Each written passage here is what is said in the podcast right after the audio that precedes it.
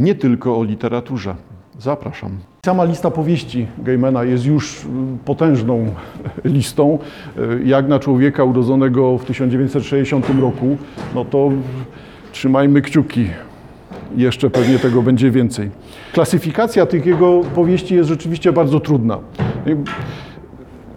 Ja też bym się zawahał, czy y, Nigdzie Bądź, czy Gwiezdny Pył, y, czy Koralina, z powodu tego, że była też ekranizacja Koraliny, y, Chłopaki Anansiego. To jest rzeczywiście też bardzo często pojawiający się tekst. No, jest tego dużo. Urokiem tej książki, czyli Neil Gaiman Wybór, też to jest tak dziwnie tłumaczone w języku polskim, ponieważ w oryginale ta książka to jest Neil Gaiman Reader reader, tak jakby był akcent na czytelnika położony. W Polsce gdzieś ten czytelnik znika i zostawia, mamy dziwną podwójność, czyli jest wybór, a pod spodem mamy utwory wybrane. Dwa razy to samo. Tego, z tego readera nie wiem dlaczego zrezygnowano, może dlatego, żeby nie pisać czytelnik.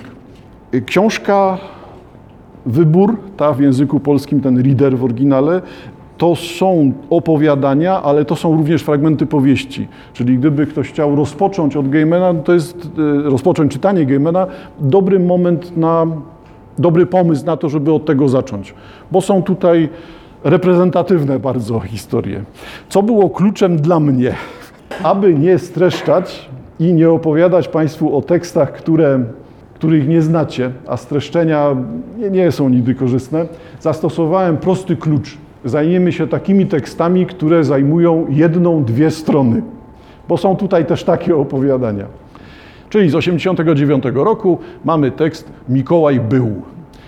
Gra tytułem jest od razu widoczna, no bo ten tytuł zostaje tutaj przesunięty z incypitu, to jest początkiem pierwszego zdania. Mikołaj był starszy od grzechu, a jego broda nie mogła już bardziej posiwieć. Chciał umrzeć. Krasnale żyjące w jaskiniach Arktyki nie znały jego języka, rozmawiały jednak we własnej szczebiotliwej mowie i kiedy nie pracowały w fabrykach, odprawiały niezrozumiałe rytuały. Każdego roku zmuszały go, pomimo protestów i płaczu, do wyjścia w wieczną noc. Podczas swoich podróży zatrzymywał się obok każdego dziecka na świecie i zostawiał mu przy łóżku niewidzialny krasnoludzki prezent. Dzieci spały uwięzione w czasie. Zazdrościł Prometeuszowi i Lokiemu, Syzyfowi i Judaszowi. Jego kara była cięższa. Ho, ho, ho. Końcówka w języku polskim za bardzo nie gra, bo to jednak w angielskim jest rozpoznawane bezpośrednio jako ten dziwny śmiech Mikołaja. Nie stosujemy tego, tak? Czyli w Polsce Mikołaja nie rozpoznaje się po specyficznym śmiechu. Tutaj jednak w języku angielskim ten zabieg jest zrobiony, dlatego to ho, ho, ho z angielskiego, chociaż chyba tłumacz jednak też zastosował pewną grę tutaj. Co prawda nie będziemy pisali ho, ho, ho w języku polskim przez samo H, e, ale brzmieniowo będzie to tożsame, tak na ucho, no z tym polskim zapisem na zasadzie podkreślenia, wyolbrzymienia, zdziwienia i dlatego to ho, ho, ho brzmieniowo dalej w Polsce by grało, tylko może niekoniecznie zgodnie z intencją pisarza. Gaiman rzeczywiście jest popularnym pisarzem. Popularnym pisarzem, ale czemu wobec tego to jest takie popularne? Gaiman czy filmowiec, czy autor komiksów, czy autor prozy, naprawdę trudno powiedzieć, co tu jest ważniejsze, kusi takim właśnie ujęciem, które wygląda na bardzo rozpoznawalne. Wygląda na to, że tu nic nie ma w tym tekście. No, czyli jest Mikołaj, Mikołaja rozpoznajemy, no bo to jest Mikołaj, rozpoznajemy go po tych e, krasnalach, co prawda krasnale nie elfy, no ale tu, takie właśnie gry są tutaj zamknięte. Mamy gdzieś jakąś krainę zimy, dość dziwnie też pookreślaną i w tym wszystkim pojawia się opowieść, która wygląda na normalną, czyli mamy Mikołaja, co roku jeździ, prezenty rozdaje, wraca. Wraca, no dziwnie, bo w tekście to on nie wraca właśnie. No to popatrzmy na to, dlaczego to jest tekst, który możemy klasyfikować, czy umieszczać w, pomiędzy książkami horrorami. Mikołaj, którego tutaj widać, nie jest Mikołajem radosnym, zadowolonym. To nie jest Mikołaj, zostawmy te różnice pomiędzy Coca-Colą a biskupem, odkładamy. To nie jest ten Mikołaj, który z radością zapowiada święta, tylko mamy Mikołaja, który ma serdecznie dosyć. No więc ta gra dalej wygląda na zwykłą historię. Czyli, no co, Mikołaj stary. Co prawda, Mikołaj starszy od grzechu zaczyna być już trochę dziwnie, tak? ale niech będzie. Mikołaj stary. Mikołaj, który jest już zmęczony tym, że w kółko robi to samo. No to współczujemy Mikołajowi, inni wielcy, zaryzykuję tak, czyli ten Prometeusz, Syzyf, Loki, inni wielcy też są w trudnej sytuacji. Wobec tego Mikołaj też ma ciężko. I dlatego to westchnięcie ho, ho, ho to może polegać właśnie na tym, że i ma ciężko, nie radzi sobie. No tak, ale współczucie Mikołajowi w tym tekście no znowu byłoby sprzeczne z tekstem. Musi być coś jeszcze. Mikołaj starszy od grzechu, czyli to nie jest żaden biskup, ani tym bardziej Coca-Cola słynna, tylko to musi być ktoś, kto jest przed wygnaniem z raju. Istota, która jest starsza od grzechu, nie mógł już bardziej posiwieć, ten wyjątkowo stary, to będzie ktoś, kto nie jest ani człowiekiem, już skasowaliśmy to, nie jest też żadnym, żadną istotą, która to człowiekowi by towarzyszyła, nie wiem, herosem jakiś, przypomniając się tej wyobraźni greckiej, czy innym tworem mitologicznym. Jest to ktoś, kto poprzedza raj. Czy to jest w takim razie jeden z aniołów? Mniej więcej by pasowało, no jest starszy od raju i wygnania z raju.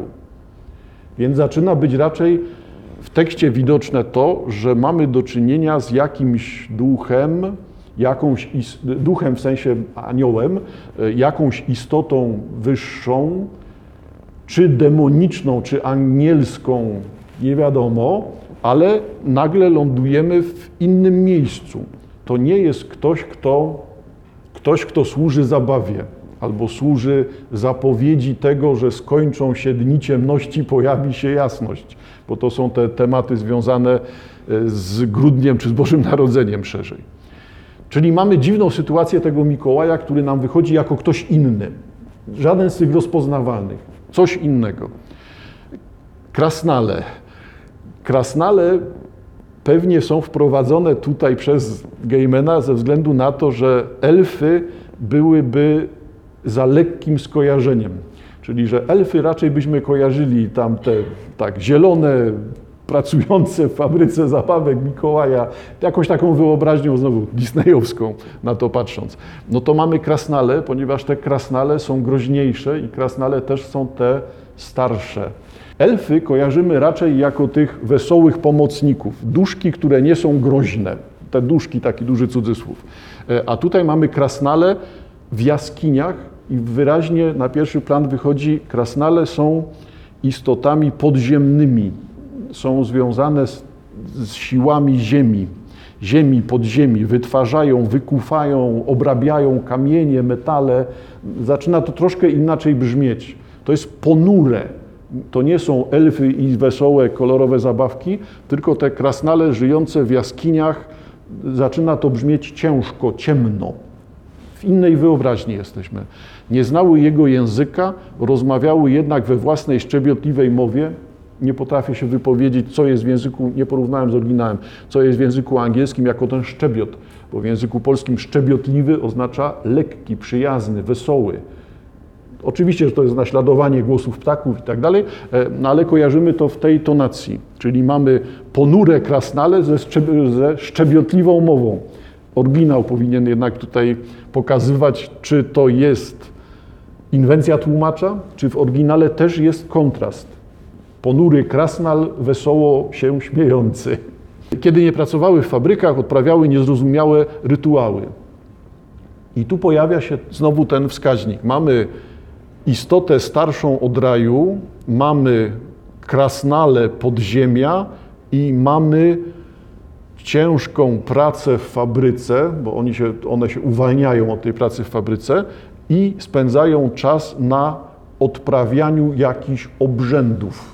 Czyli pojawia się jakiś zestaw wierzeń, jakiś skojarzeń znowu czysto mitologicznych, tylko w tym sensie nie grecko-rzymskich, tylko po prostu skojarzeń z mitologią. I te niezrozumiałe rytuały byłyby czymś, co potwierdza odrębność. Czyli mamy Mikołaja, nie wiemy kogo, kto to jest ten Mikołaj, i mamy krasnale, które nie mają nic wspólnego z tym Mikołajem.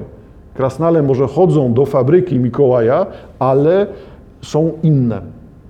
I wyżej mieliśmy już zapowiedź tego. One nie znają jego języka, są z innego rejestru. Inaczej są rozumiane te postacie. No i dlatego kolejne zdanie jest rozwinięciem tej samej tonacji. Każdego roku zmuszały go. To nie jest, że on je zmusza do wykonania zabawek, które wesoły będzie rozwoził, tylko mamy te krasnale, które pojmały, związały, zdominowały tego Mikołaja, tą istotę tego demona i zmuszają go, pomimo protestów i płaczu z kontekstu wynika tego Mikołaja, tego demona, do wyjścia w wieczną noc.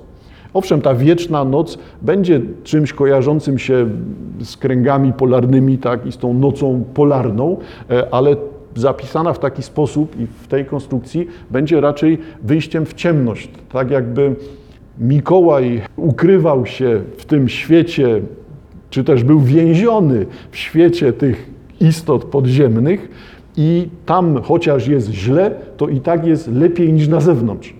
Więc ten świat, który dla niego jest ograniczeniem, nieszczęściem, tutaj staje się i tak światem lepszym od świata ciemności, nocy, obowiązków, znużenia, bez sensu, czyli tego, co się rozgrywa na zewnątrz, poza tym miejscem pobytu Mikołaja. Podczas swoich podróży zatrzymywał się obok każdego dziecka na świecie, zostawiał mu przy łóżku niewidzialny krasnoludzki prezent. Tekst w ogóle nie precyzuje o co chodzi. Co to jest niewidzialny krasnoludzki prezent?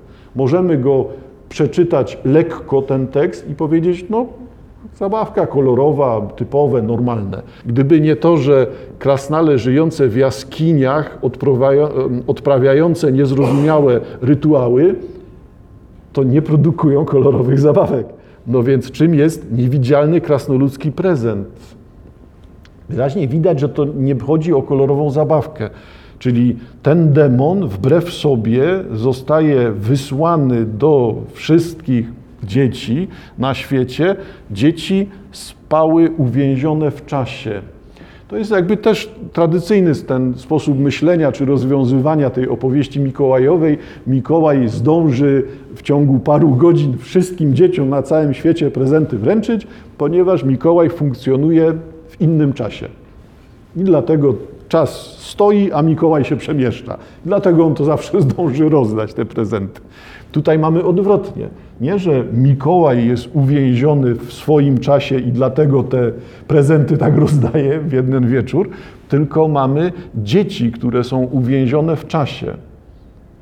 Akcent jest w drugą stronę.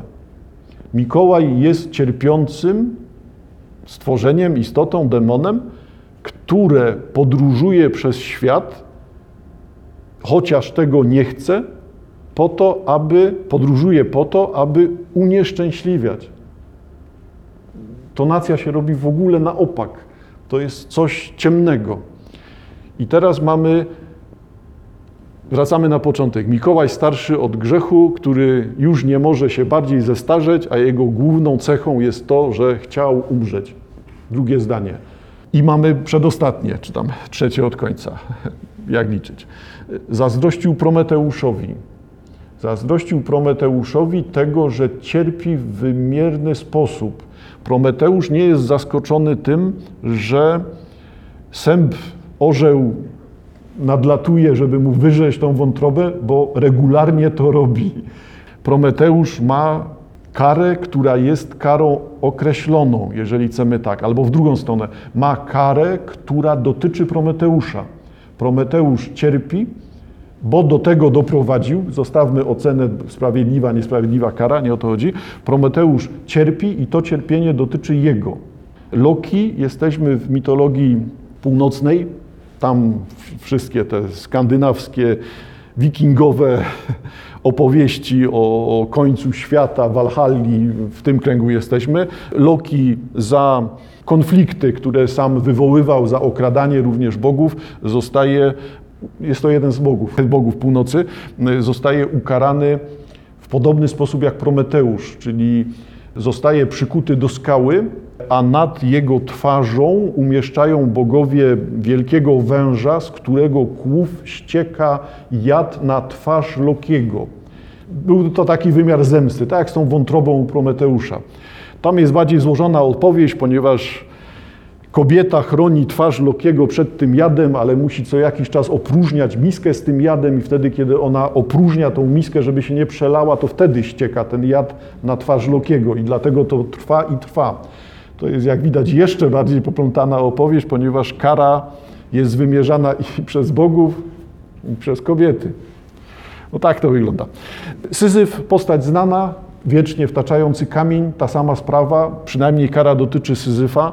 Judasz, który sam wykonuje na sobie wyrok i jest jednocześnie tym, który tkwi na samym dnie piekła, w najbliższym otoczeniu Lucyfera. To mamy jeszcze raz. To czemu ten Mikołaj zazdrości Prometeuszowi, Lokiemu, Syzyfowi, Judaszowi? Dlaczego on jest w gorszej sytuacji niż tych czterech przeklętych, ukaranych, winnych w różnych czasach, w różnych częściach świata? No, Syzyfa i Prometeusza umieścimy w jednym, ale Lokiego już w innym czasie na północy Europy, a Judasza pomiędzy nimi. Chociaż chronologia czy też powstanie mitologii nordyckiej jest tutaj bardzo umowne. Niewiele o tym wiemy. Jego kara była cięższa. To za co kara? Czym jest ta istota, ten, ten demon? Czy mi chodzi o to, żeby użalić się nad biednym losem Mikołaja, który tyle roboty ma? Nie, to by było znowu to proste spostrzeżenie. Tekst jest dyskusją z wizerunkiem Mikołaja, modelem Mikołaja, znakiem, archetypem, możemy to różnie określać. Mamy pewne wyobrażenie Mikołaja i działań Mikołaja, i kontekstu tych działań, tych związanych właśnie grudzień, zima, oczekiwanie na, na to, żeby dni stawały się trochę dłuższe, a nie coraz krótsze. Czyli w tym kontekście mamy wyobraźnię Mikołaja. Ta wyobraźnia, którą widać tutaj, zmierza do tego, abyśmy widzieli Mikołaja okaleczonego, Mikołaja w sytuacji roli, w którą podejmowania roli, podejmowania działań, w które nie wierzy, które nie przynoszą mu żadnej satysfakcji. Na dodatek widać, że też nie przynoszą niczego nikomu poza tym dziwnym, dziwną sytuacją dzieci uwięzionych, otrzymujących, niezrozumiałe prezenty. No, mamy niepewność, ale to jest taka dość ponura niepewność. No, nie widzę tutaj kolorowych elementów żadnych. Wobec tego, kto jest oprawcą Mikołaja? Powiedzmy prosto czytelnik. Kto odpowiada za cierpienie Mikołaja? Ten, kto czyta o Mikołaju, wyobraża sobie Mikołaja i zaczyna go uruchamiać. Czy wyobraźnia czytelników nie jest czymś, co przywołuje do życia opowieści? Czy te opowieści nie są przez tych czytelników wybebeszane? Czy ci czytelnicy nie mszczą się na bohaterach, którzy powinni być niewidoczni? Gdybyśmy dali spokój Prometeuszowi, to może w spokoju by w końcu udało mu się umrzeć, ale ponieważ on powraca bezustannie, to jest ożywiony wyobraźnią. W takim razie czytelnik i jego wyobraźnia jest czymś, co zmusza, wymusza, okalecza. Jakby czytanie było czymś, co jest działaniem. No bo jest działaniem. Tylko czytanie podtrzymuje żywotność wyobraźni, a pytanie, czy my możemy oddzielić wyobraźnię od rzeczywistości? Czy to, co dzieje się w wyobraźni, nie jest też rzeczywiste? Ja rozumiem, że to jest trochę, brzmi nielogicznie teraz, ale to polega na tym, czy jeżeli wiesz, że możesz zabić tego człowieka i go nie zabijasz, to rzeczywiście różni się od tego, wiesz, że możesz go zabić i go zabijasz. No, różni się, bo nie ma tego efektu, ale dla ciebie wewnętrznie się za bardzo nie różni. Się zdecydowałeś go zabić, tylko jakoś nie wyszło. Rozumiem, że nie jest to wykonanie zbrodni, ale zdecydowanie się na to, a ta decyzja odbywa się tylko w naszej głowie, oznacza, że to jest nami, coś zrobiliśmy. Wiem, że mógłbym to zrobić, wiem, że chcę to zrobić. To jest czymś, co sobie zrobiłem, to powstało w mojej głowie, jestem w tym miejscu. Ciężka sytuacja Mikołaja polega na tym, że nie może się uwolnić od istnienia wyobraźni wyobraźni czytelników, którzy swoją wyobraźnią go prześladują. Jakby widać, całkowicie innym miejscu jesteśmy. Spróbujmy się uwolnić od tego czytelnika teraz. W tym tekście nie ma nic, co wskazuje na to, i to Twoja wina. No, chociaż jest tu coś takiego dziwnego z tym ho, ho, ho, bo to jest takie coś, ktoś mówi bezpośrednio do czytającego. To Ty wymusza ta, ta sytuacja, jego kara była cięższa, ho, ho, ho, to wymusza takie, takie podejście, to jest do mnie, to jest adresowane. Ja tu zaczynam działać w tym tekście, ten czytelnik, jako sprawca. I porzucamy czytelnika. Tekst jest krótki, ale jak każdy tekst Gaimena, on będzie pokazywał zbliżony, podobny, bardziej lub mniej widoczny pomysł na wyjaśnianie, czym jest ten człowiek teraz. Co to znaczy żyć w tym XXI wieku? Większość tekstów Gaimana, no chociaż trudno byłoby określać, to jest, to jest przełom tak, XX-XXI wieku. Popularność to jest XXI wiek już na pewno. Stąd ten tekst jest tekstem, który pokazuje, że największym obciążeniem człowieka, największym obciążeniem wyobraźni człowieka jest to, co przyzwyczailiśmy się uważać za najważniejszy aspekt. Czyli nie jesteśmy zwierzętami, jesteśmy ludźmi. Jako ludzie mamy swoje opowieści. Nasze opowieści tworzą nasz świat, świat kultury.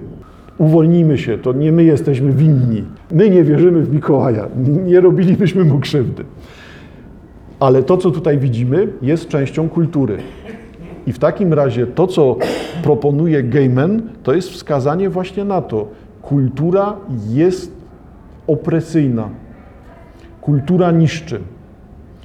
To, co jest znakiem w kulturze, symbolem, archetypem, wizerunkiem, jest czymś, co jest przykre, ciężkie, pesymistyczne, Czyli co się z tego wyłania? Kultura, czyli to, co sami wytworzyliśmy, nasze pomysły, postacie, nasza mitologia, nasze wierzenia, religie wreszcie, te rytuały, które tutaj są w tekst pisane, to wszystko jest czymś, co jest przeciwko nam.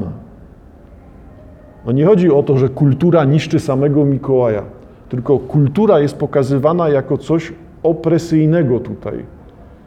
To jest przykre. To jest, uciekam od tego, ale chyba nie da się uciec. To jest nienaturalne.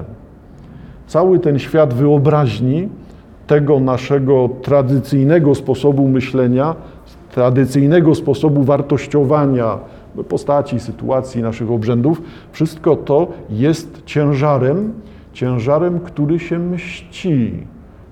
Mikołaj, Prometeusz, Loki, Syzyf, Judasz postacie są rozpoznawalne, one są powiedzmy bardzo dużo wieczne, to jest bardzo na wyrost teraz powiedziane, no ale powiedzmy, że to są te wieczne postacie. W tym szeregu jest Mikołaj, Mikołaj, który jest zjadany, niszczony, przewartościowywany przez świat ludzkich wytworów. To, co ludzie wytwarzają, jest czymś, co tych ludzi niszczy. Nie chodzi teraz o e, huty, kopalnie i wzrost CO2 w powietrzu. Rozmawiamy o tym, czy jeżeli chcesz zobaczyć część kultury ludzkości i trafiasz, niech będzie, tak, do tego Luwru, oglądać tą Monelizę, to czy to jest coś, co jest dla ciebie budujące, wartościowe, czy to jest coś, co cię zje, zniszczy. Kultura przeciw człowiekowi. Dość dziwne, tylko dość dziwne szczególnie w kontekście tego jednego Mikołaja, ale tutaj odbywa się coś, co jest światem na opak. Ta rzeczywistość, w której aktualnie jesteśmy, nie ma nic wspólnego z naszymi przyzwyczajeniami. Więc Mikołaj będzie tutaj oprawcą dzieci, na wyrost znowu, oprawcą dzieci, a nie istotą dającą radość, zadowolenie i początek kolejnego roku. Brzmi to teraz całkowicie inaczej.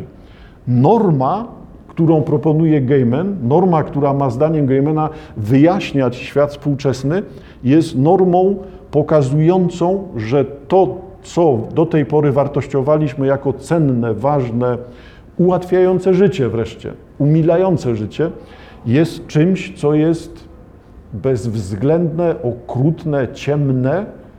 Wytworzyliśmy coś po to, żeby sobie pomóc, i to coś właśnie nas zniszczy.